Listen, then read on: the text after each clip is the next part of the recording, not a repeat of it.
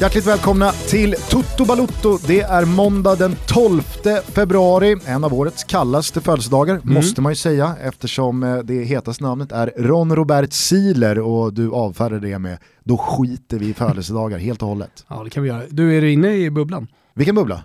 OS-bubblan. OS är det igång. Nej, nej, nej. nej. Du är inte det? Nej, jag har en notering från dessa olympiska spel. Och det är nästan en, eh, alltså så här, jag, jag lever ju mitt liv eh, som någon slags glädjespridare och jag gör väldigt mycket för väldigt många. Eh, nu till exempel så kan jag ju då på ett silverfat leverera en aktiv idrottare till alla spelbolag där ute. Up for grabs. Varför inte att Betsson nyper en till gubbe till sitt stall? Där finns ju du och jag, Måns Zelmerlöw, eh, du har Sara Sjöström. Ja, jag gillar att vi kommer upp Ja. Men eh, jag har noterat att eh, det finns en gubbe där ute nu som spelbolagen garanterat kommer att slåss om Jaha. efter Som är på väg att lägga ner eller?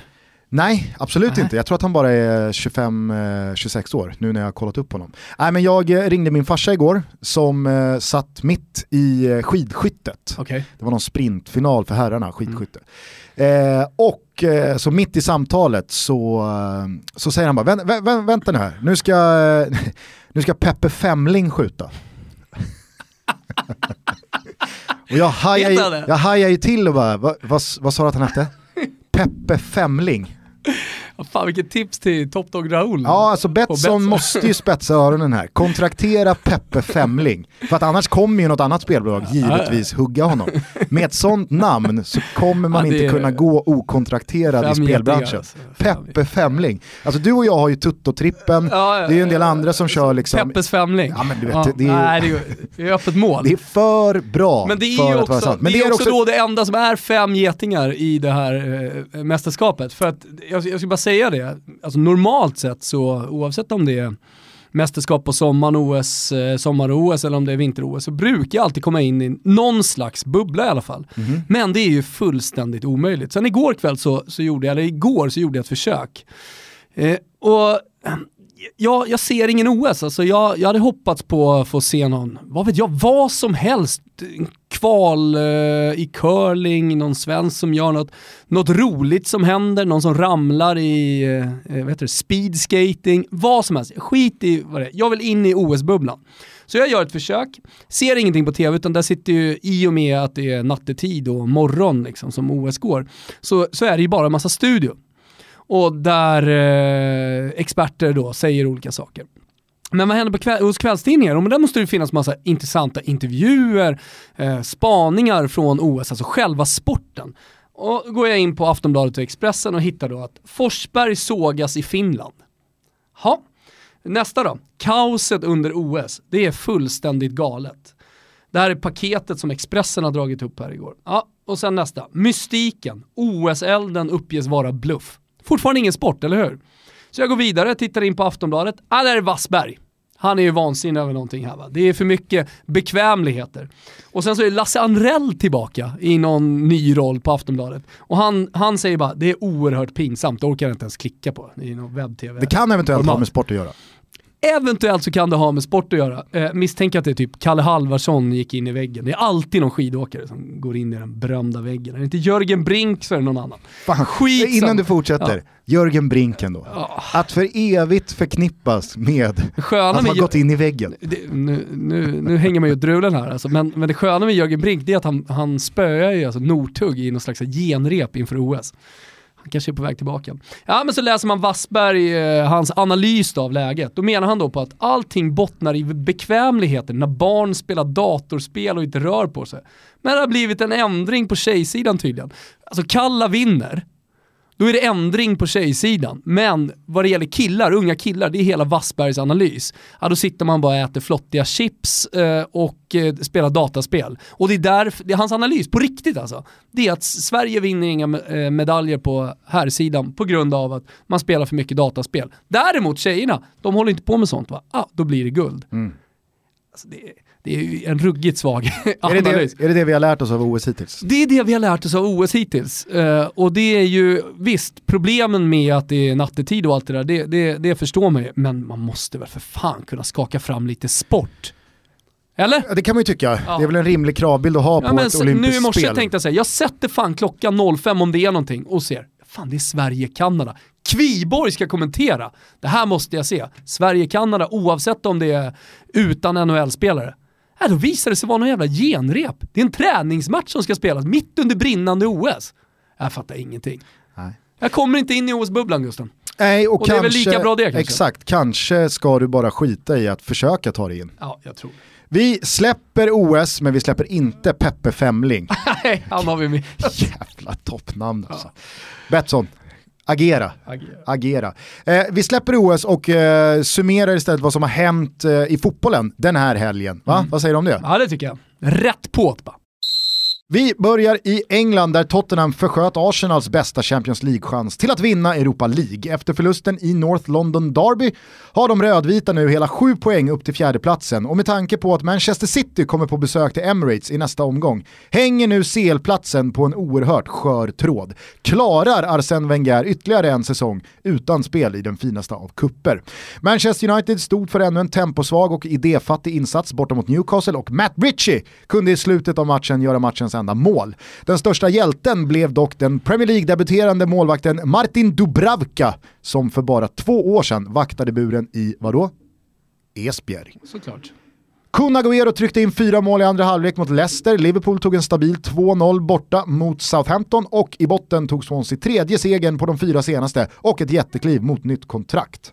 I Italien vann toppduon igen, men på lite olika sätt, minst sagt. Ett oerhört kontroversiellt VAR-beslut räddade Juventus från en straff emot sig vid ställningen 0-0 mot Fiorentina och ett Goldelex senare hade Federico Bernardeschi lagt grunden för en blytung seger. Napoli svarade upp däremot dagen efter och gjorde kanske säsongens bästa halvlek när man i den andra delen av matchen gick från 1-1 till seger 4-1 mot Lazio.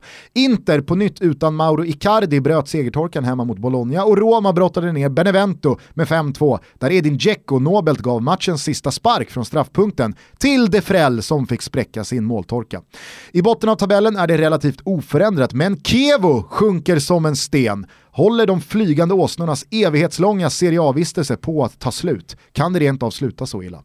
I Spanien lyckades Getafe av alla lag nolla Barcelona på Camp Nou. Real Madrid stod för årets bästa halvlek mot Sociedad och visade PSG att det lär bli en stentuff åttondel och såväl Atletico Madrid som Valencia tog nya segrar i toppen av tabellen. Guidettis Alaves fortsätter att imponera och den här gången la man självaste Villarreal på rygg på bortaplan. Visst har vi en tendens att överdriva svenskars betydelse här hemma, men i brist på speltid för andra svenska offensiva landslagsmän väljer vi att stämma in i kören. Guidetti-effekten! Glädjande också att Ludvig Augustinsson gjorde sitt första mål för omgångens stora Bundesliga-vinnare, Werder Bremen, som slog Wolfsburg och skaffade sig välbehövliga poäng i botten. Tyngre däremot för Hamburg som nu ligger riktigt pyrt till efter ny förlust borta mot Dortmund. Det blir en riktig jäkla ångestmacka när Tutto till helgen intar Volksparkstadion ihop med Grand Franks Finest för att se Albin Ekdal och Die Rotenhosen försöka slå kusarna. Svepet avslutas i Turkiet där utrikeskorrespondenten Daniel Larsson och hans Akisar tog en efterlängtad seger hemma på sin nya arena. Jag vill inte säga för mycket, men det gnistrar helt klart om de svartgrönas nummer 31. Tutto när fortfarande drömmen om en VM-plats. Du, eh, jävla roligt för att flera av de här grejerna som, som du tar upp hade jag också skrivit ner som eh, eventuella diskussionspunkter. Ja, men bara, eh, mm. eh, innan, du, innan du då tar, tar upp det så tänkte mm. jag att vi skulle inleda dagens avsnitt med eh, någonting som inte fick plats i svepet. Mm. Du vet ibland med fotbollen att man känner lite så här groundhog day, måndag hela veckan, att det här har jag upplevt förut samma lag hamnar i samma typ av svit, det kan vara en vinst eller förlustsvit och sen så händer det någonting. Precis det tänkte jag på igår. Ja, När jag gick hemma och eh, höll efter, när man har tre barn, det enda du pysslar med då, det är att du går och håller efter. Ja. Alltså, har du tur någon gång så kommer du i kapp, så ligger du på noll lite grann. Du har städat undan allt, det finns ingen skit, du har städat barnens rum, du har dammsugit, eh, du har kanske till och med betalat räkningarna liksom, så att, så att du, du är på noll. Men då vet du att snart är det dags att hålla efter igen. Och så såg jag Manchester United och tänkte att de är liksom med Mourinho i samma snurra. Att de bara håller efter, håller efter och så kommer de ut till ytan och så kan de andas lite och sen så är de tillbaka och måste hela tiden bara rensa, rensa, rensa för att försöka komma upp. De kommer aldrig över, de börjar aldrig flyga. Utan Mourinho han, han, bara, han bara trampar på, lite grann som jag gör på hemmaplan. Ja, ja men precis, det blir lite av det här ekorrhjulet att man kan ibland finna sig när man följer den internationella fotbollen som att det här har jag upplevt förut, det blir déjà vu om och om igen. Arsenal och Wenger, den här mm. eviga frågan, det är bara att tugga på. Juventus fortsätter att vinna kontroversiellt och lär väl sluta med ännu en ligatitel. Det är, liksom, det är samma grej om och om igen. Lunchmatchen i Serie A, du somnar efter första halvlek. Exakt. Liksom, kan man få lite liv kring den tyska fotbollen? Nej, det gick Nej, inte den här säsongen den här säsongen heller. Gudetti gneta på, Gudetti gneta på, gör inte mål men blir hyllad ändå som liksom Alaves matchhjälte. Det, det, ja. så här, det blir upprepningar. Därför är det så skönt när man upplever saker för första gången. Alltså när ett mönster bryts totalt, man hajar till och så känner man, här har jag suttit i min liksom eh, evighetslånga ekorrhjulsnurra och tänkt att allt bara fungerar likadant hela tiden. Men vet du vad som har hänt nu? Roy Hodgson, den liksom i 45 år omskrivne gentlemannen som aldrig har höjt rösten, som aldrig liksom har eh, eh kommit på kant med någon. Alla har bara eh, trevliga saker att säga om den eh, snart 106-åriga herre. Hal halvt adlade. Ja men precis. Eh, alltså alla älskar Roy Hodgson, man har aldrig hört honom, som jag sa, vare sig höja rösten eller använda några svordomar eller någonting.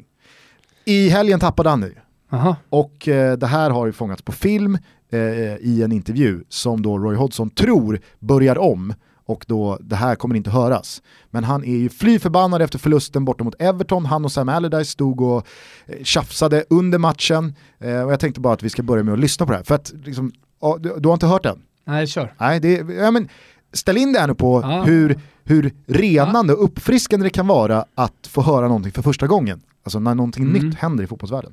Roy, satisfying day at the office for you? Yes, very. I thought we played very well.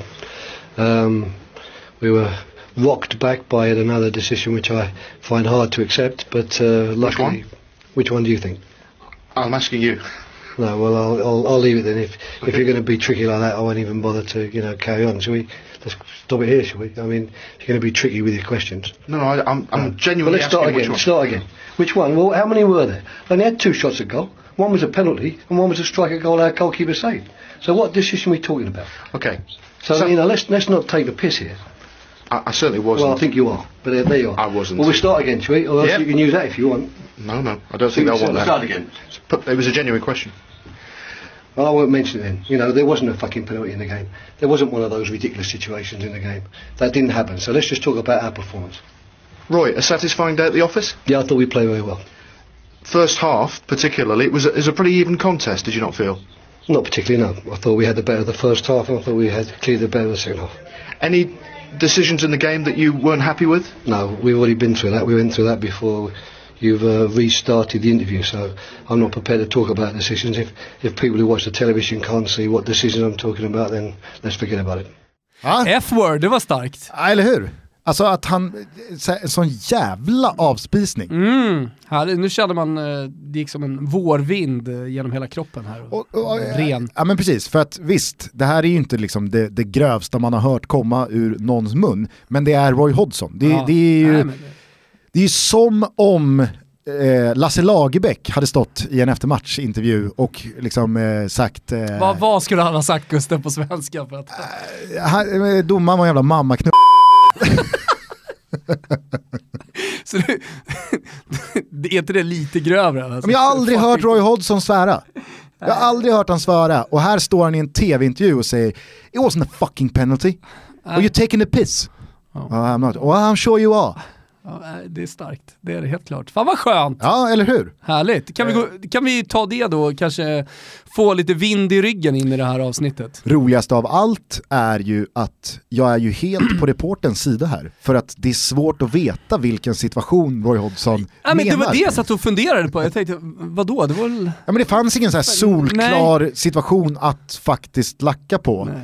Och i den här matchen, alltså Everton mot Torskar Crystal Palace, 3-1 va? som var, ja, som var då via Sats eh, 16.00 match som de sände. Alltså första halvlek var ju en helt urusel fotbollshistoria. Ja. Det var faktiskt anmärkningsvärt, jag satt och kollade via Sats eh, sändning då, att då Ola Andersson och Bojan i studion liksom så tydligt kritiserade sin egen rättighet. Att det här är så dåligt Men och så tråkigt. Vad? Det sitter så mycket pondus i de två. De har suttit så länge i den där studio, studion, de har så mycket självförtroende så de kan säga precis vad de vill. Ja. Alltså hade du och jag sagt det där i Bundesliga-studion efter 0-0 Bremen-kusarna, då hade det bara varit där är dum gubbe. Ja. Ja, ja, men skönt då att du i alla fall kände lite av den här eh, vinden eh, Ja. blåsa igenom dig att oj, Roy Hodgson har det där också.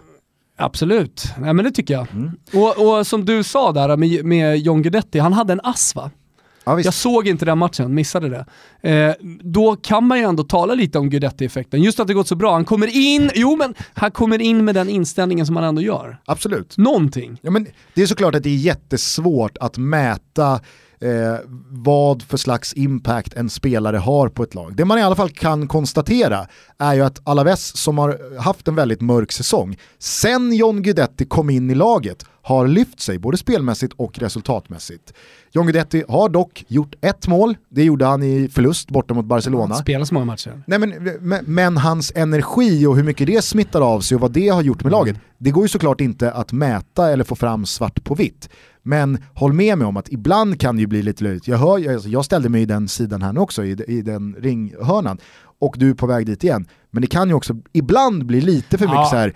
Men det han tror hade jag en- folk fattar Han hade en på tonen assist, här. matchhjälten Det- John Guidetti. Nej, självklart. Det tror jag folk fattar. Men du, på tal om spanska ligan då. Jag eh, körde en liten uthängning eh, och det var väl, eh, jag tycker starkare än att göra det nu i och med att Real Madrid gjorde en, en så pass bra prestation i genrepet inför Champions League då mot PSG.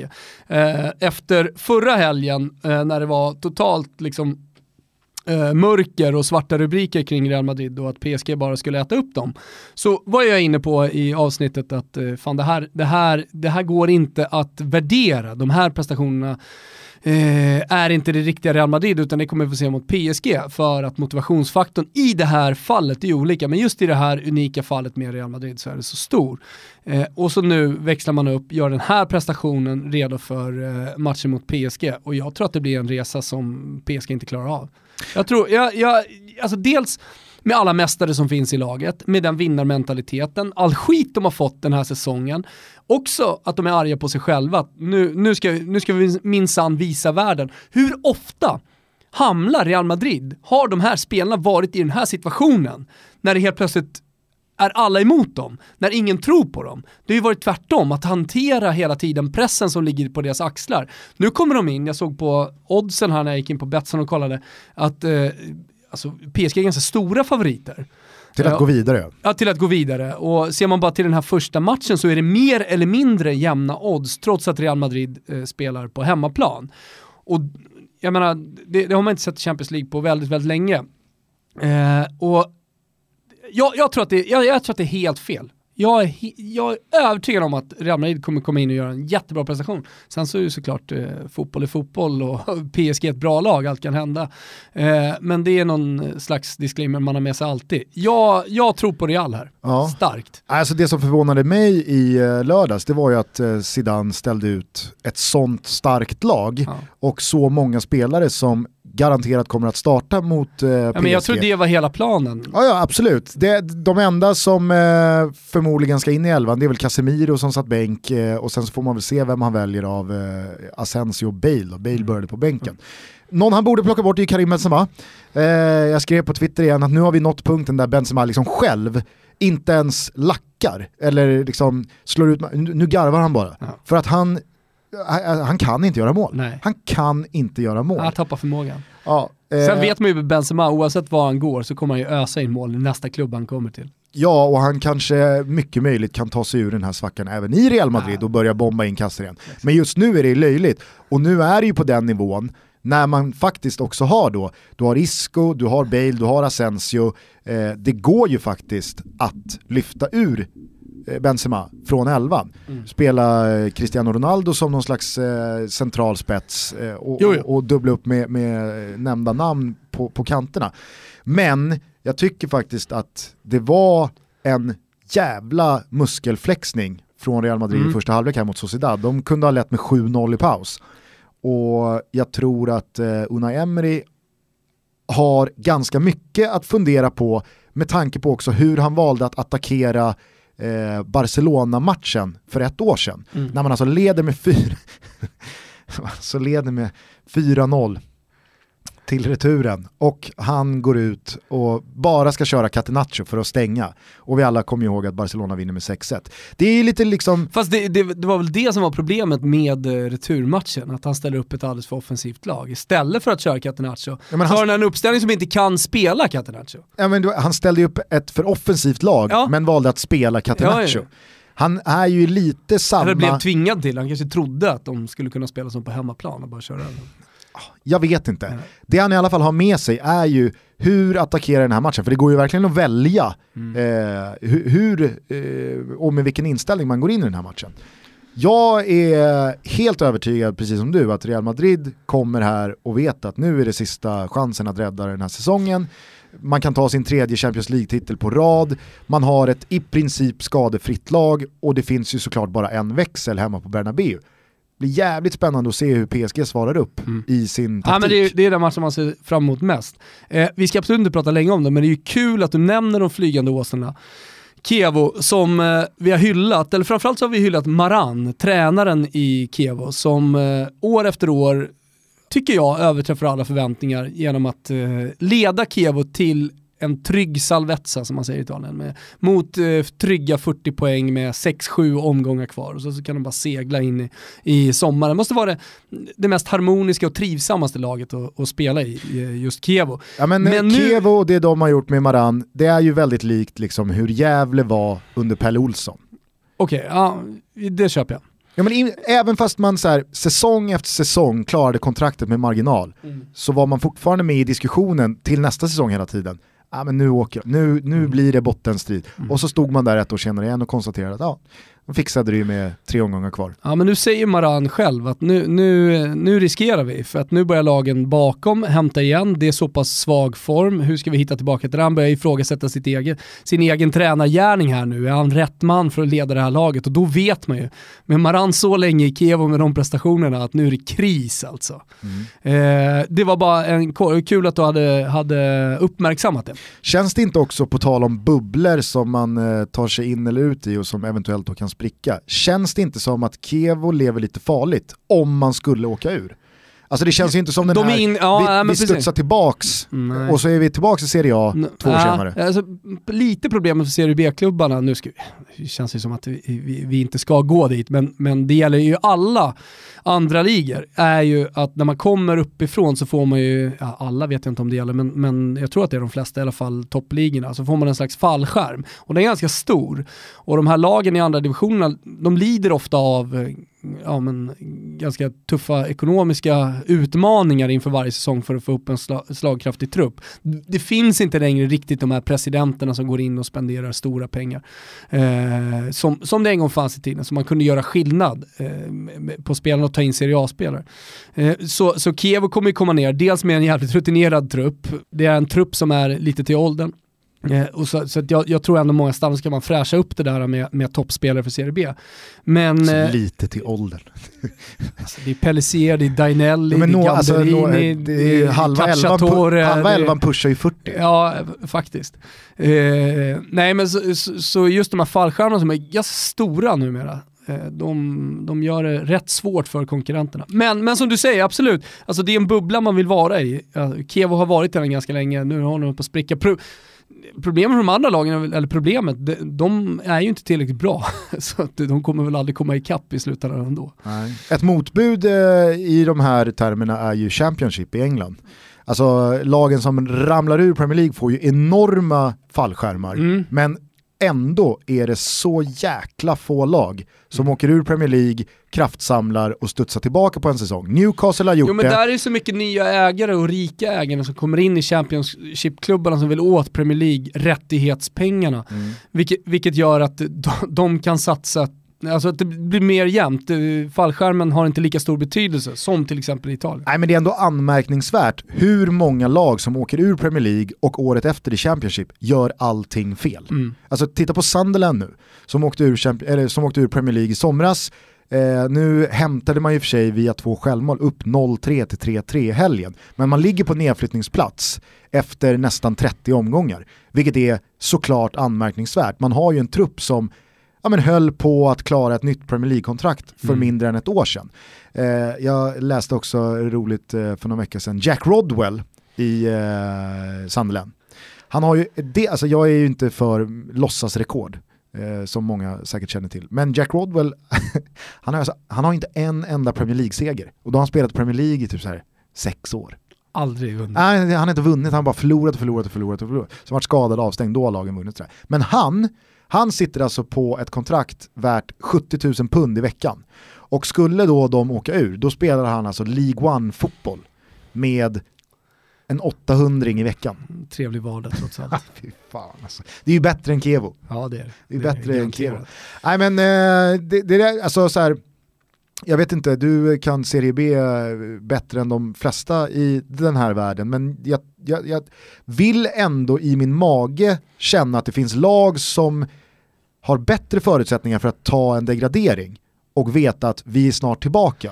Och så finns det lag som så här, nu ju- spricker bubblan. Ja, Kie- Kie- just Kiev har ju åkt ur en gång under den här tiden som man har varit i Serie A. Man kom ju upp och sen så stod man ju för en fantastisk eh, säsong där man faktiskt ledde serien eh, en bit in och sedermera också lyckades man lösa Europaspel. Eh, jag var faktiskt på den matchen. Fiorentina spelade borta mot Kievo eh, och då var det klart redan innan att eh, Kiev skulle köra Europa League då, eh, säsongen därpå. Eh, så man hade något klubbsponsrat tifo med EU-flaggan, klassiker ju. Just att använda sig av EU-flaggan för att man ska visa att nu, nu är vi i Europa. Va, jag, tror- jag tror det var 15 000 för Det är en idé som borde stannat Borde, på ritbordet. kanske. Eh, men, eh, nej, men då, hade, då hade Fiorentina chansen att gå till Champions League, vilket vi gjorde också, sen, sen togs vi ifrån den på grund av Calciopoli och allt det där. Men, men en minnesvärd match i alla fall. Mm. Nej, men, eh, om man då ska knyta ihop den här säcken ännu mer då förankrat i svepet så tycker jag att Hamburg absolut ligger i den riskzonen också. Man har Ja men alltså riskzonen är ju där med tanke på tabellpositionen Jo, såklart. att åka ur, Ja. nu pratar jag om riskzonen, Jaha, att, att- åka ur och Ja, sen... precis, nu har vi in- hållit oss så länge, Ja. eh, alltid, Ja. sen Bundesliga startades. Och sen åker man ur, då spricker bubblan och så Ja, får man precis. det förbannat svårt att ta sig upp. Det Och- känns också som att eh, Zweite Bundes är likt Championship, en, ja, även Serie B ska jag säga, men, men ändå en, en, eh, en tuff liga alltså. Ja, men, alltså, så här, för vissa klubbar så är ju det där ett stup, Ja. för andra så är det en trampolin. Okej, nu drattade vi ur, vi gjorde en svag säsong, men vi, eh, våran verklighet förändras inte så pass mycket av det här att Ja. vi kommer studsa tillbaka. Eh, och, om man överför det här till Sverige så kolla, kolla vilken jävla smäll det blev för Bayern när de väl åkte ur. De levde farligt och sen så åkte de ur. Allt hade gått åt helvete med ekonomin, spelartruppen, man eh, sparkade tränare till höger och vänster, missnöjet bara pyrde och så till slut liksom så åker man ur allsvenskan.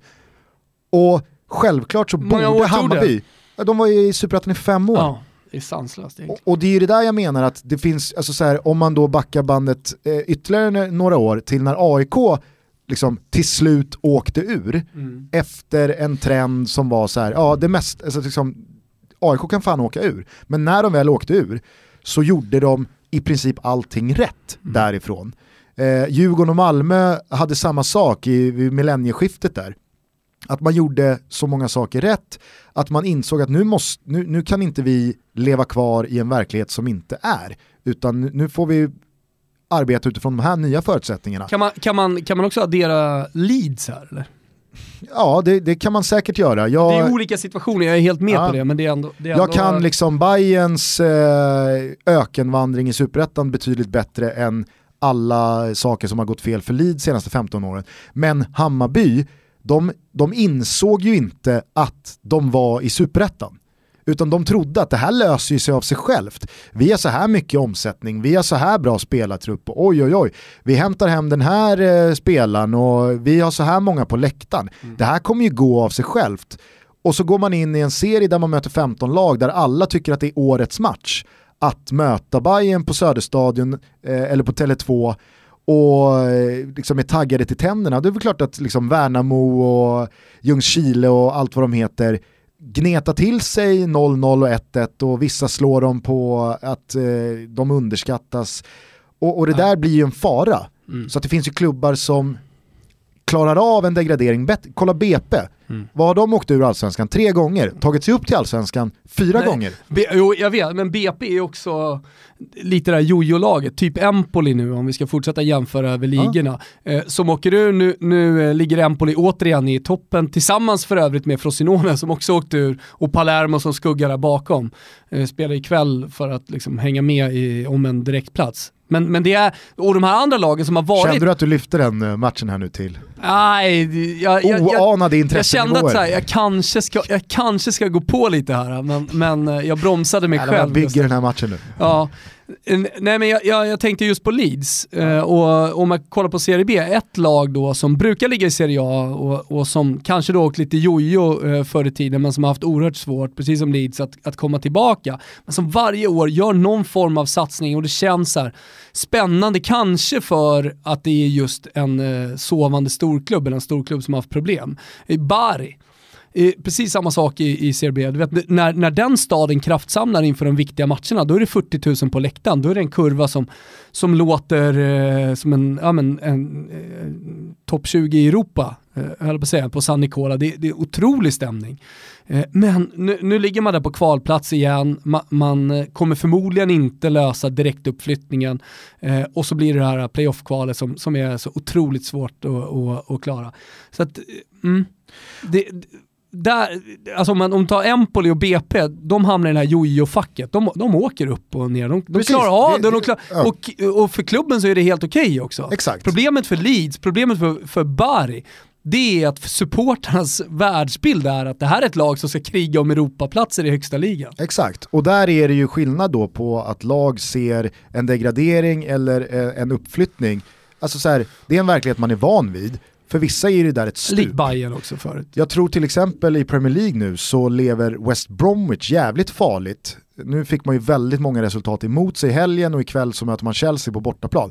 Jag tror att eh, West Brom, ifall de skulle åka ur Premier League, så är de Alltså de, är, de är verkligen typexemplet på att gå i samma fälla som Sunderland, eh, på, eh, som Portsmouth och Blackburn. Mm. Alltså lag som i Premier League med de pengarna in kan ha råd med en meriterad men ålderstigen och ganska trött trupp. Alltså kolla West Broms trupp. Det, det är inte många 22-åringar med framtiden för sig utan det är liksom Gareth Barry och eh, Krychowiak. Liksom. Så, aha, nej, jag... De har ju i och för sig Egyptens nästa.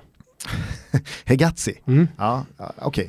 Ja men du vet, Macaulay, och, det, det är benknäckare, Rondon, Robson, Canu.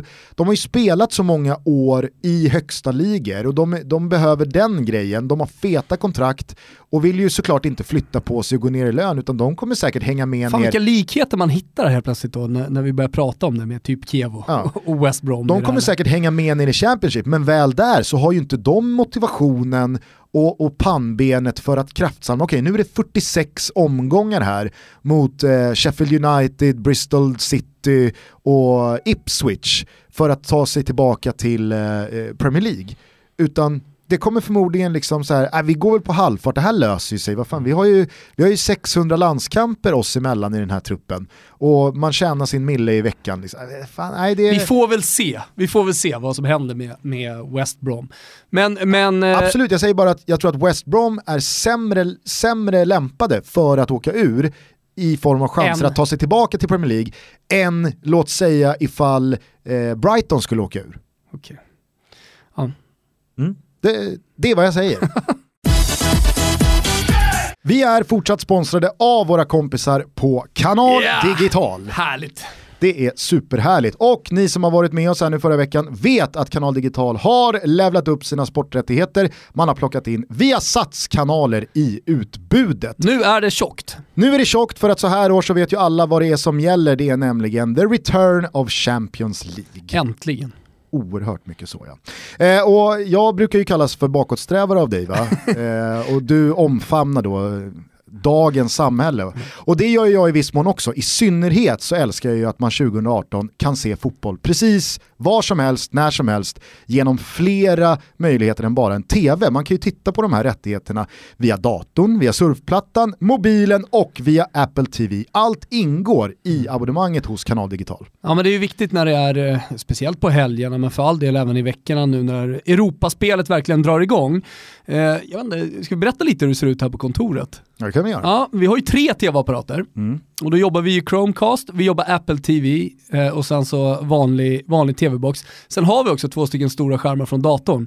Vilket då gör det möjligt att se fem matcher samtidigt. Där kanske folk kan ta som lite inspiration då inför eh, de här eh, minst sagt då täta dagarna av fotbollsspelande. Ja men dels det, men sen också så kan vi understryka att det inte heller finns några ursäkter att inte se matcherna. För genom de här möjligheterna, till exempel då mobilen, Alltså, du kan ju se på Champions League precis var som helst. Tunnelbanan, ja. i bilkön, när du står och coachar eh, Stellas eh, flickor 09. Har ju hänt. smyga upp den i fickan. Man vet ju att det är många nu under OS som går in på muggen med, med, med mobilen. Fan, nu har ju Leffe suttit här inne i en timme. Vad är det han gör egentligen? Så ser man att det är någon, eh, någon, någon bronsstrid som en svensk är inblandad i, i skidskytte. Precis, och det går ju faktiskt att följa på en av de tre extrainsatta Eurosport-kanalerna som Kanal Digital erbjuder i sitt abonnemang just nu. Så att eh, kanaldigital.se, där går ni in, Sportkanalen där går ni in och läser ännu mera om eh, allt som är strålande i Kanal Digital. Ja, älskar man sport, ja då bör man ha Kanal Digital jag måste ju såklart eh, backa bandet även fast Toto Balutto eh, ibland eh, är så pass aktuell att vi tycker att eh, två, tre dagar gamla händelser är skåpmat som inte förtjänas att dra fram i ljuset. Men kan du inte ta mig tillbaka till fredagskvällen? Du vill det alltså? Ja, det är såklart att jag vill. Fiorentina-Juventus, du pratade ju upp det här i eh, förra veckan, att mm. eh, det här var liksom Fiorentinas sista match för säsongen. Man mm. kommer inte åka ur, man kommer inte ha någonting med Europaplatsen att göra. Slutsålt. Det var slutsålt, Juventus kommer på besök, Juventus är i ett läge där liksom så här, alltså det var inget halvdassigt roterat Juventus man Nej. mötte, utan kan men I och med att man spelar på fredag också så, så, så, kunde man spela bästa lag, i alla fall så som italienarna tänker eh, och inte riskera för mycket inför Champions League-matchen mot Tottenham som såklart är otroligt viktig. Ja. Bra insats av eh, Fiorentina i första halvlek eh, och sen så sker ju då det som blev ett av helgens absolut mest omdiskuterade domslut. När då Alexandro på något sätt eh, liksom får med sig en frispark istället för att en straff döms till Fiorentina när inlägget eh, Ja, får med sig en frispark, hand. döms för offside, eh, eh, är det pet, är det medveten pet, är det inte medveten pet? Eh, av Alexandro, alltså det där, kan man ju, det där kan man diskutera hur mycket som helst. För mig i den där situationen, så, om man nu ska använda sig av VAR, mm. så, så kändes det som att ja, då är det väl rimligt att döma frispark till Juventus eller offside på Fiorentina-spelaren. Alltså det, vi kommer ju alltid landa där oavsett om vi använder eh, videohjälp eller inte, att det är en bedömningssport fotboll. Alltså, och I det här fallet så, så fattar han det beslutet. Och då är vi på då är vi på tårtbitarna igen. Alltså hur många domare hade dömt det? Hur många videodomare i det här fallet då hade tagit det här beslutet? Videotårtan? Tror ändå att 50%, alltså fyra tårtbitar av åtta. Vi, vi har, alltså, åtta vi har alltså en videotårta också. Ja, vi har en videotårta. Eh, så 4 av 8 här då, 50%. Man trodde ju ändå någonstans att videotekniken skulle bli binär. Antingen ja, så här, binär ja eller nej. hit och binär dit, ja eller nej, 100%. Det, det, dit kommer vi aldrig i fotbollen. Alltså det, det, kommer alltid vara en, en bedömningssport. Sen kanske det blir lite enklare att fatta korrekt beslut då med, med videodomare i framtiden, kan man ju hoppas. Vad Men i det, för... det här fallet så var det i alla fall, alltså, det, det uppstår ju sådana grejer i fotboll. Och det, det, det gör väl sporten charmig också oavsett om det är videodomare eller om det är vanlig domare som tar, tar beslutet. Eh, eh, det, det är alltid hävdat också, att bara vi, bara vi kan bara vi kan hjälpa domarna lite mer än vad vi har kunnat gjort med, med, med videohjälpen så är jag nöjd. Bara vi kan få bort eh, Maradonas handsmål och eh, Frankrikes avancemang mot eh, Irland när bollen så uppenbart tar på handen och så vidare. Alltså sådana här eh, dom, så, extremt tydliga domslut eh, som får så stora konsekvenser eh, för lag och för spelare och, och, och så vidare så, så är jag nöjd liksom. Eh, men just i det här fallet så, så kan jag inte vara så förbannad. Det är klart när man sitter där och ser matchen och man har pumpat upp eh, adrenalin, adrenalinet till max, att man skriker svordomar mot Bernardeschi och mot domaren när, när, man är uppe i det. Men när man, när man har landat och när man sitter här tillsammans med dig Gusten och, och pratar podcast, då, då kan jag ändå tycka att, eh, att det var rimligt. Det förvånar mig ändå. För att jag, jag, alltså, jag till och med, jag är ju då i hälften av videotårtan som inte ja. ens Nej, förstår det, varför ja. det är frispark. Ja. Eh, för jag tycker vare sig det är... Men det var ju offside. Jo men jag tycker inte att det är offside. Alltså såhär, jag tycker inte att det ska vara offside. Nej, jag ställer mig utanför regelboken där. Visst. Eh, nej men du måste kunna rapportera lite om då känslopåslaget som har varit. För det här var ju en extrem situation i en då extrem eh, match. Alltså det var men inte, alla, det var inte alla känner ju till känslopåslaget när sånt där händer. Alltså först så får vi straffen. Och i det läget så, det, det tar ju en hundradel så står man ju upp i, soffan och skriker. Vad fick det, det döttrarna höra? Va? Vad fick döttrarna höra? Allt möjligt. Jag är, jag är den typen som när jag blir glad så skriker jag även negativa svordomar. Ja, ja men det kan nog många känna igen sig ja. Du blir nästan så här lack. Ja. Så glad blir du. Exakt. Ja Eh, man blir lack. Jag tror, att, jag tror att det där växte ännu mer under mina år i Italien, liksom när man reste. För att där var en spontan läktarreaktion när det blev mål eller man fick en straff. Att man direkt då vände sig, speciellt när man var på bortamatch, vände sig mot hemmasupporterna och då visade hur, hur glad man var eh, över, över, över en situation. Ja. Eh, så, så, tror jag att det där har hängt med lite också hem till tv-soffan. Du har eh, nära till rub it in Ja, eh, och hela den här säsongen så har jag varit jävligt svalt inställd till Fiorentina. Alltså, jag tycker att mycket av den här passionen försvinner när man bara sitter framför tvn och tittar och jag har inte haft möjligheten att åka ner så mycket som jag har varit eh, liksom, tidigare genom åren. Eh, och dessutom då en klubbsituation eh, som vi inte ska älta men, men som är jävligt jobbig som Fiorentina-supporter där man inte riktigt ser hopp inför framtiden. Och, man, och om man då krigar sig tillbaka till liksom, de här känslorna att nu ska vi bara vinna. Så att du har, som du säger, känslopåslaget två timmar innan match och det var första gången jag kände det den här säsongen och det var länge sedan och det var jävligt skönt. Eh, och när det där händer, då, ja, då, det, det, jag kan ju också, kan ju tycka så här när jag sitter nu, kan ju tycka, när man är tillbaka, hade det varit så att Fiorentina fortfarande krigar om Europaplatser, man hade haft hopp inför våren sånt där, eh, då hade jag kanske förmodligen varit lite argare. Nu har jag liksom hoppat tillbaka till känslorna av likgiltighet kring, kring laget och det går nog snabbare på grund av det. Men eh, när, när, när det där väl händer, och när VAR-domaren tar det beslutet, då, då är det mord alltså. Då, kapsylen flög? Ja. Fick det Roy Hodgsons eh, brinning här att framstå som eh, söndagspredikan? Ja, jo men det, det fattar jag. Fick det den hypotetiska Lasse Lagerbäck mm. som går hårt åt domaren att framstå liksom barntillåten? Ja, alltså det, det, var ju, det var ju faktiskt på den nivån att barn vaknade också som hade somnat. Så, att, så att, eh, det, det, var ju så kan du inte gå någon annanstans? Alltså, ta det vart du vill, åk till kontoret. Ner till bistron i Rönninge, kolla vidare på den här matchen. För den här kända bistron. Ja. Eh, nej men, eh, några minuter senare i den här matchen så gör ju då också såklart Federico Bernardeschi 1-0 på frispark tillbaka på Franke för första gången i Juventus-tröja. Mm. Och då kommer den här situationen som vi har pratat om lite på senare tid, där jag, jag ställer mig liksom så här nästan lite fascinerad över att det blir ytterligare då en nivå av förakt och eh, fientlighet och äckel när han då väljer att fira. Alltså sveket är väl redan hundraprocentigt.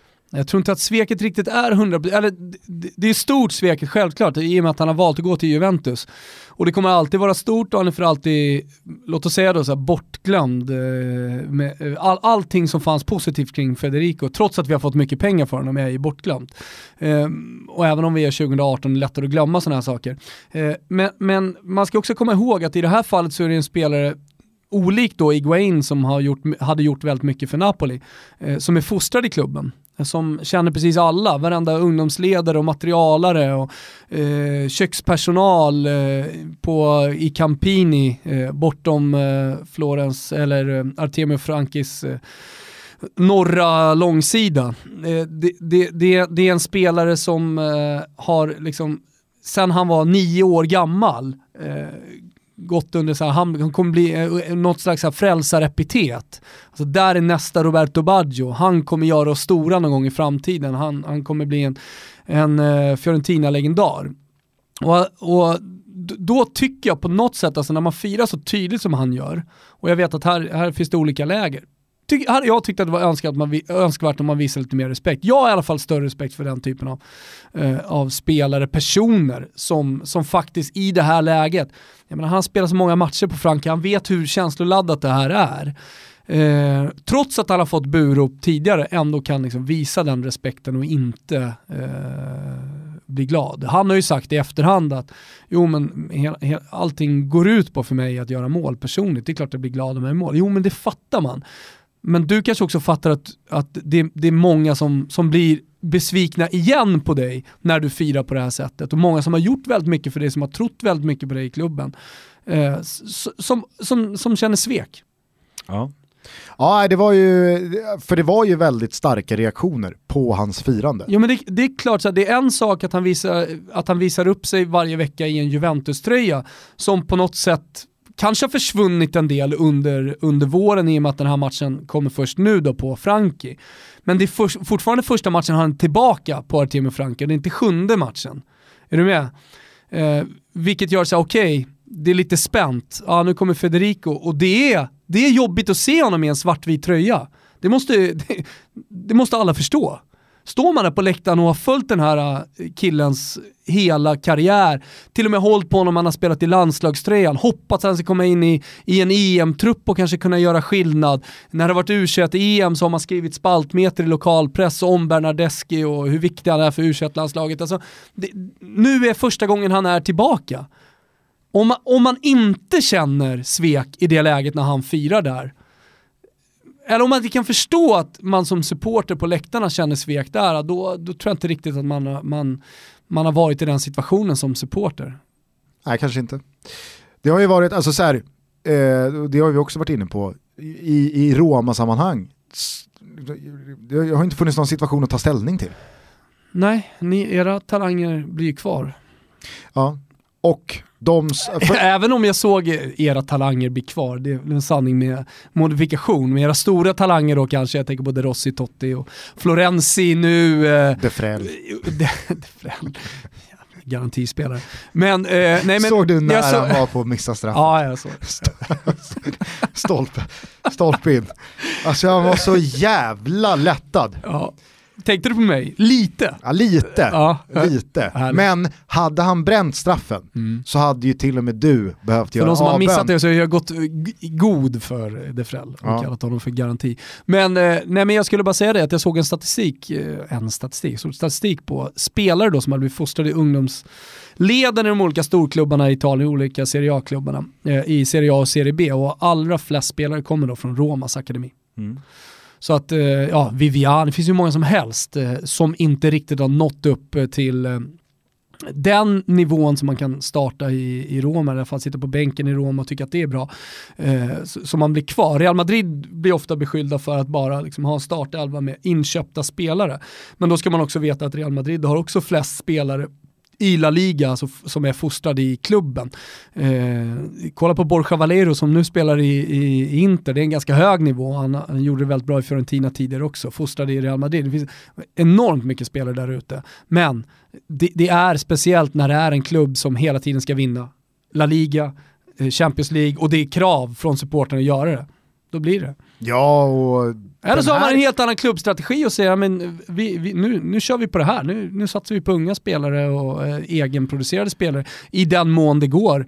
Ja men det är väl klart att det är skillnad på ett Roma och ett Real Madrid i form av tålamod med unga spelare Absolut, också. men, men, men det, är, det är också skillnad på Roma och Fiorentina i det här läget. Ja, ja. Det är skillnad på eh, Malmö FF och eh, Örebro i allsvenskan.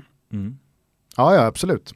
Sen så ska man väl eh, ge det till eh, dagens Real Madrid att där finns ju både Asensio och Lucas Vasquez och Exakt.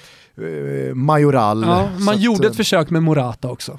Ja, Mm. jo, absolut. Ah, Ska det bli av den gubben? Här? Ja, det vet jag inte.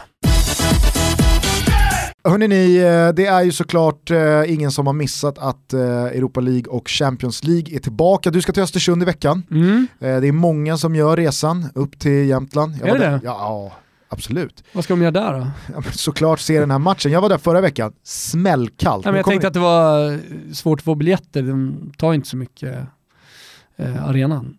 Nej men det är ju fortfarande många som ska dit i form av alltså, Alltså press och media. Jaha, och, du menar så? Ja, ja. ja. Ja, det är det och i returen så är det drygt 5000 Östersunds eh, slash supportrar som ska till Emirates. Alltså, vad, vad, vad känner du? Jag vet ju att du och jag har haft våra meningsskiljaktigheter Ja. kring Östersund eh, och, och kanske framförallt deras då Men kvalitet. det här är ju en helt annan situation. Såklart att det är, och det är ju... Det har ingenting med någonting Ja, men att göra. framförallt matchen, framförallt liksom den grejen. För att Mm. säga vad man vill om att man slår ut ett Galatasaray eller ett Pa- PAOK i, eh, i eh, deras försäsongsstadie under sommaren till Europa League. Att man tar sig igenom en grupp som förvisso innehåller både Hertha Berlin och Bilbao och Ja, men, men Hansk. nu är du inne på någonting så här som man har varit med Östersund, att man flyttar hela tiden fram. Jo, ja, men det var det, men nu ska de göra det här. Jo, ja, men de har man gjort det, nu ska man klara av det här. Och, eh, jag, vet inte, jag vill inte riktigt hamna där. Alltså nu har man tagit sig dit och man har gjort det bra hela vägen och varit fantastiska. Nu möter man Arsenal. Ja, ja, och det, och det är Och- det jag ska landa i, att Ja. även fast alla prestationer hittills i sig har varit fantastiska så är det ju här något annat. Alltså det är ett dubbelmöte och precis som jag var inne på i svepet också, Arsenal kommer ju inte ta det här dubbelmötet med vänsterhanden för att nu tror jag faktiskt att Wenger resonerar som Mourinho gjorde för exakt ett år sedan. Att vår bästa möjlighet att nå Champions League nästa säsong är att vinna Europa League. Eh, och han sa väl tidigare idag att jag kommer inte vila någon. Eh, Den enda man vet inte kommer spela är Aubameyang som är cup-tied. Mm. Eh, Men annars så kan det ju bli bästa möjliga elvan. Jo, och det har man ju pratat väldigt mycket om Arsenal nu på slutet efter torsken senast också, att det är kanske bästa möjligheten, likt Manchester United förra säsongen, för Arsenal att ta sig ut i Champions League nästa år, det är att vinna Europa League. Och, och det är klart att eh, Wenger går i de tankarna också. Nu är man i 16-delsfinal redan, det är inte så många matcher kvar tills man kommer till finalen. Och nu har man ganska mediokert motstånd då i, i de här matcherna, men kolla till, ja, Galatasaray sa det, eh, man har slagit ut eh, Eh, eller man har spelat bra mot Atletico Bilbao, man, Werder Bremen, eh, Hertha Berlin. i, Hertha, sorry, Hertha Berlin i gruppen. Eh, så jag, jag är helt övertygad om att man kommer att, och kanske inte är så här eh, tok eh, laddade, alltså förstår jag menar? Att nu är det en final. Men bara det att han sände signalerna med att skicka ut det bästa laget eh, är nog nog för att Arsenal i det läget som man ändå är i, trots förlusten senast, alltså finns någonting positivt kring den här januari, kring det här januarifönstret eh, som har varit. Man har vilat Lacazette nu i de här matcherna så att han kommer ju komma fräsch till, till, till mötet mot Östersund, vilket är, sjukt att liksom bara nämna egentligen. Men eh, så, så att, ja, det blir, blir ju såklart tufft. Och nu är ju Östersund i det läget som Galatasaray var i förut. Visst, nu gick de in med semesterfeta pastabukar och, och såg snarare ut att längta till en röd prins i, efter, efter match, matchen snarare än att man, man eh, ställde sig i en ring efter på Gattuso sätt och sa att nu, gubbar det här var inte good enough, nu tar vi det på hemmaplan.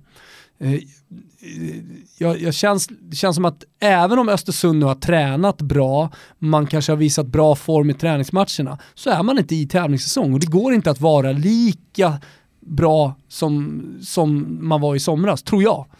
Tror du, alltså det är väl klart att det är väl klart att de har, så att du behöver inte ens svara på den frågan. Men det finns ju någonting kul i att Wenger senaste dagarna har suttit och kollat på Trelleborg. Ja, Här var deras senaste match. Trelleborg. Trelleborg. So I saw them in the, the last game against uh, Tre- Trelleborg. Trellehulla var uppe och fick den Ja, men det är det 3-0. som är så jävla roligt med den här presskonferensen, att, eh, så, så man, man ser fram emot allt med den här matchen.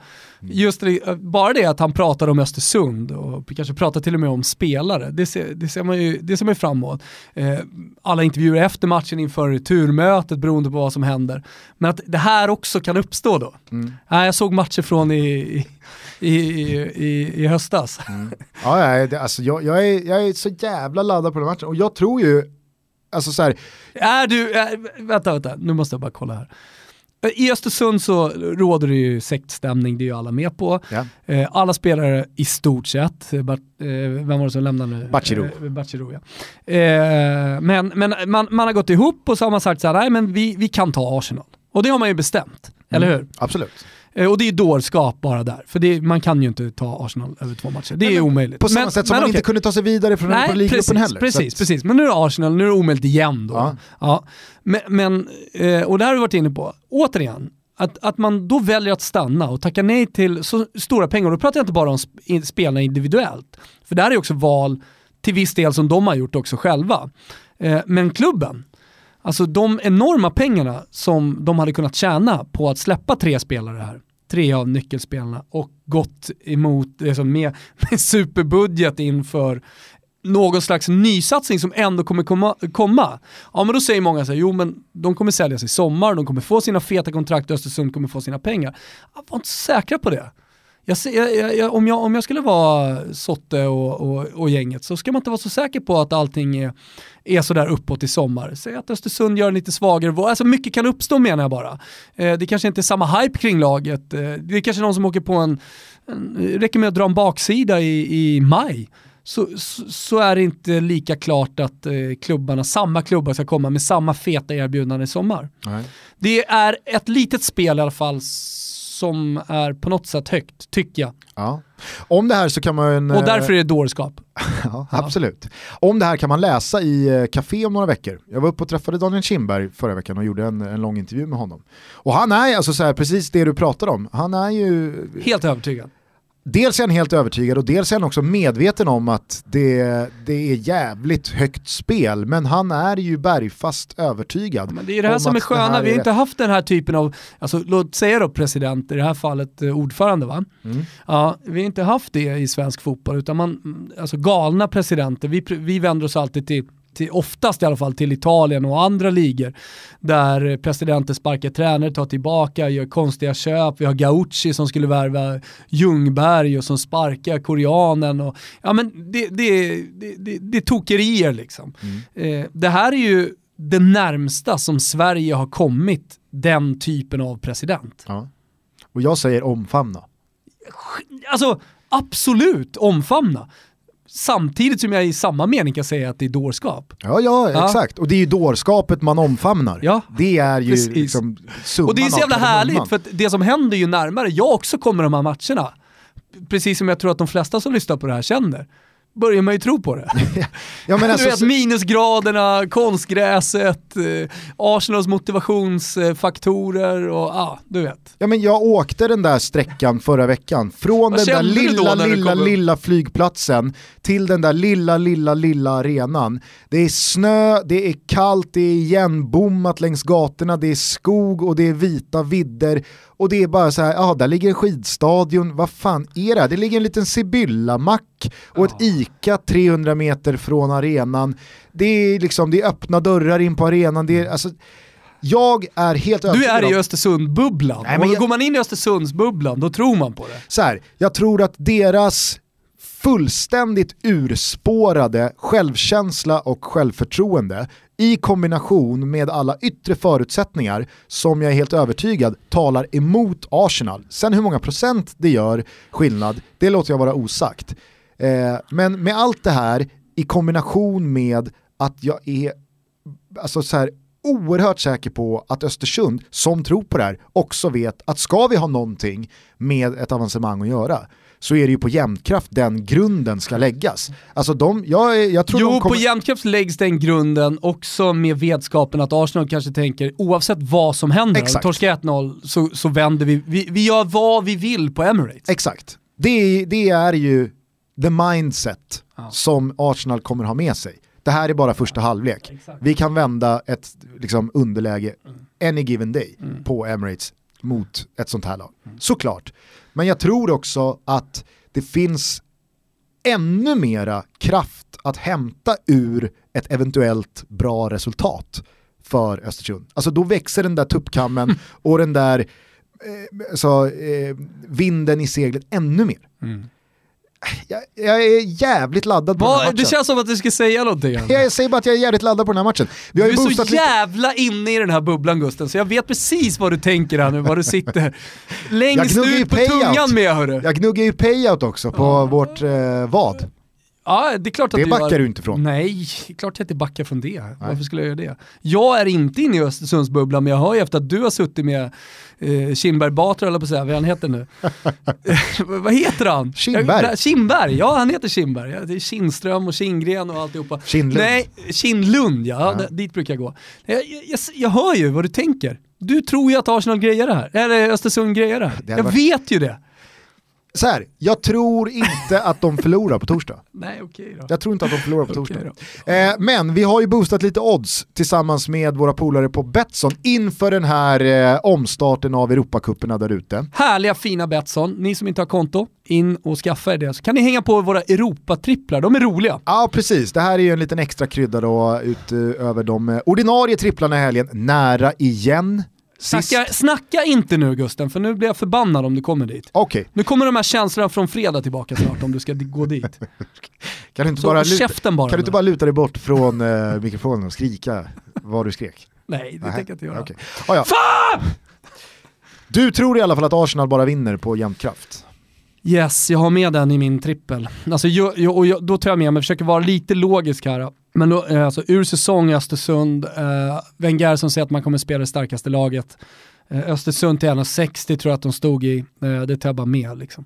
Eh, och sen har vi eh, Lazio, spelar borta mot Stoja Bu- Bukarest. Alltså också dessu- här har vi ett Lazio i jättebra form. Man förlorar mot Napoli visserligen, men, men det, det, det, är ett, det är ett Lazio som jag tror har någonting på gång den här säsongen. Man kan gå långt i, i Europa League.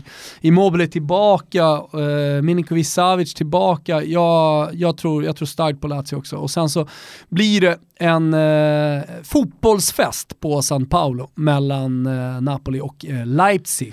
Det är lite lurigt med Napoli och deras Europa League-äventyr. Det, Tycker jag. Ja, alltså, det är lurigt eh, alltså, så tillvida att eh, man, man, man satsar 100% på ligan. Däremot så gillar jag ju Zielinski, de här gubbarna som kommer in, som ersätter de andra, Onas och de. Och här tror jag på en öppen matchspel, det är det som är hela grunden. Alltså att Napoli ska fortsätta spela sitt spel med sina ersättare. Och det kommer inte funka lika bra, det blir kontringar för, för Leipzig. Så över 2,5 mål här till bra odds eh, kommer, kommer såklart med i min trippel också. Jag tror jag fick 5,25 totalt för den här va? Mycket bra. Jag har eh, skakat fram en eh, liten eh, rolig trippel. Jaha, jag få- också va? Få höra då. Ja, men jag har valt att gå på eh, åttondelsfinalerna både första matchen och andra matchen. Och hittat ett överspel där jag tror att Manchester City, Bayern München och Liverpool, Liverpool möter Porto, Bayern München möter Besiktas och eh, Manchester City möter Basel. Jag tror att de här tre lagen tillsammans över båda åttondelsfinalerna skrapar ihop över 15,5 mål. Så det är ett litet roligt spel va, för jag tror att eh, det, det kommer, eh, om en i första eller andra matchen, det, det kvittar va. Men eh, jag tror att båda de här lagen, eller alla tre lagen har riktiga så här proppen ur matcher i sig. Eh, så det är 16 mål som ska göras på sex matcher från de här tre lagen. Och det tycker jag är ett, ett eh, både kul och eh, oddsvärt spel. Sen så har jag satt ihop en eh, liten avancemang-fyrling också med Vilka boostat går vidare då? Ja, men jag tror att Liverpool slår ut Porto över två matcher. Tveksamt. Tveksamt, vad snackar de? Nej, okej då. Jag tror att Juventus slår ut Tottenham. Det är svårt att säga emot med tanke på den formen som Juve är i. Jag tror att Barcelona slår ut Chelsea. Ja, det tror jag. Ja, jo. Och jag tror att Roma slår ut Shakhtar Donetsk. Ja. Eh, så att eh, de här fyra att gå vidare i en kombinerad fyrling med boostat odds finns också att hämta under godbitar och boostade odds på Betsson.com. Ni skickar in era spel i hashtaggen Toto-trippen, insatsen är 148 kronor och vi slänger in eh, officiella matchtröjor i kickerpotten. Kul. Så sitter vi liksom rustade här nu för omstarten av Champions League och Europa League. Forza Östersund! Känner du att du är på väg in i OS-bubblan nu när avsnittet håller på att ta slut? Verkligen inte. Sebastian Samuelsson, OS-silver, oväntad i skidskytte. Nu fick vi den oväntade medaljen, den som gör att folk då sitter på sina arbeten, streamar igång, någon hör “Fan Sebastian Samuelsson är igång i skidskytte inför sista skjutningen! Han ligger trea!” Du vet, och så börjar så kastas folk in i den här OS-bubblan. Kanske är det det här som gör att jag ändå tar mig in i Vitts OS. Hade det däremot varit Peppe Femling, jävlar. Fan vad synd! Tänk om det hade varit Peppe Femling som hade tagit OS-silver. Synd alltså. Sebastian Samuelsson slår inte lika högt. Nej, alltså så här, min, min, eh, mitt kall under det här OS, det blir ju nu att följa. Vilket spelbolag tar Peppe Femling? Oavsett odds, hoppa på? Oavsett hur många skott han missar, oavsett om han tar slut i en jävla backe i något lopp här om några dagar så kommer han lämna, han kommer lämna Sydkorea som en vinnare. Ja. Eh, och jag, jag hoppas att Betsson teamar upp med Peppe Femling så att vi kan sitta på något spånmöte ihop i vår. Och Ah, hur, hur, tänker Peppe då inför VM? Första, första, första Peppe säger han sitter mötet. Jag har eh, då gjort min läxa, jag har kollat på lite hur det här samarbetet har funkat. Toto-trippen va, jag har en ny idé på det. Ja men alltså så här, Peppe in i fotbolls-VM. Jag kör Peppes Femling till gruppspelet. Kommer slakta Toto-trippen. Det är för jävla bra för att vara sant alltså. Och så fixad insats 500. Härligt. Femling alltså. Hörru ja. du, vi tar oss ut i slasket den här måndagen. Tack så mycket till alla som lyssnar på den här podcasten som vi tycker är så jävla kul att göra eh, och att det är så många som eh, väljer att lyssna på oss. Fortsätt göra det, vi har många roliga gäster på väg in. Jag har hört rykten om att Leifby har tackat ja. Ja, Marcus Leifby är ju såväl en eh, lyssnarfavorit som eh, Toto Balutto-favorit. Så Mm. det ska bli väldigt kul när han sätter sig i studion. Han undrade vad vi skulle prata om. Ragnar Skanåker, Han gillar väl Palmeutredningen också väldigt mycket. Palmeutredningen och är väldigt mycket hockey. Det blir en utmaning och roligt. Text-tv gillar han. Och. Sportspegeln och Ja. Fotbollskväll. Han är ju, han är ju en, eh, en relativt sett ung sportjournalist. Eh, kanske då i, i en liksom liten äldre skepnad Ja. när han kommer ut med sina texter och så. Han är lite lillgammal. Samtidigt som han är liksom Mr Live som ändå får ses som Ja. eh, någonting som kom fram. Eh, någonting nytt då. Hörni, på tal om gästavsnitt, eh, tack till alla som har hört av sig om eh, vårt avsnitt med Jiloan Hamad här sist. Det vart ju väldigt uppskattat. Ja, eh, folk som inte har lyssnat på det kan ju bara klicka sig in där. Exakt. Eh, Vi börjar närma oss allsvenskan. Verkar dock ha gått lite tyngre för Bayern Mm. än vad Gille trodde. Jo, men vet du varför? Nej. De har ju Rönninge-kille i mål i Frej. Jaha du. Hampus Elgamet. Ja, ja. Mm, ja, ja, toppgubbe. Då, då fattar jag. Mm. Då fattar jag. Ja, nej, alltså 4-1 mot Frej, det är, det, det är såklart eh, det är Det, det var inte läge, Nej. så skulle man kunna säga. Men herregud, springer Ja. man in i en Rönninge-keeper så, så får man helt enkelt hacka i sig det. Så det. Eh, sen så drar vi till Hamburg i slutet av veckan. Kul. Så att eh, det är full fart eh, på eh, Tuttohavet. Men det finns plats i båten. Ja. Spänn fast er eh, så hörs vi snart igen. Ja. Ciao tutti! Ciao, tutti.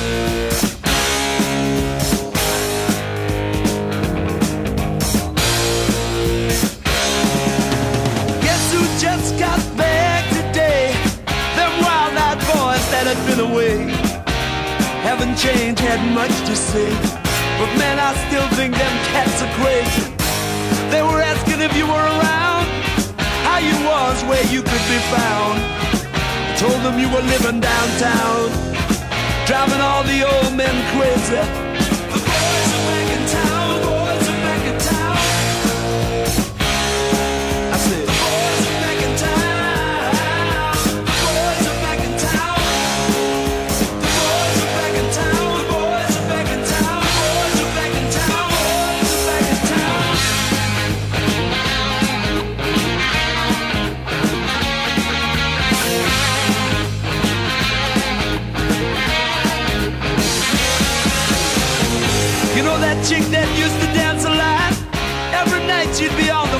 Shaking what she'd got.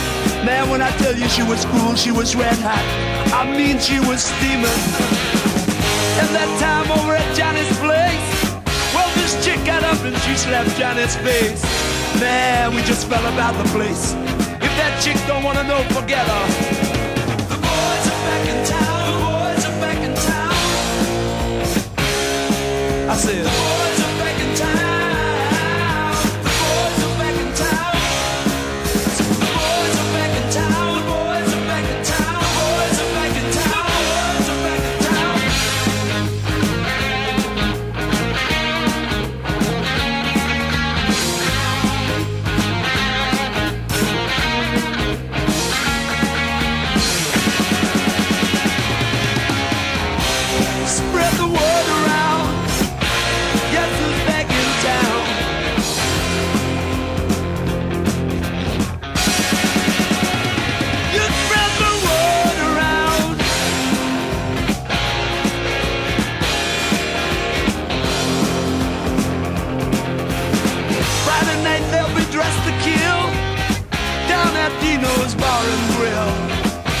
will flow and blood will spill.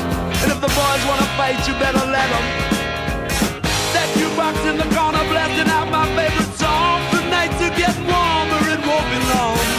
Won't be long till summer comes. Now that the boys are here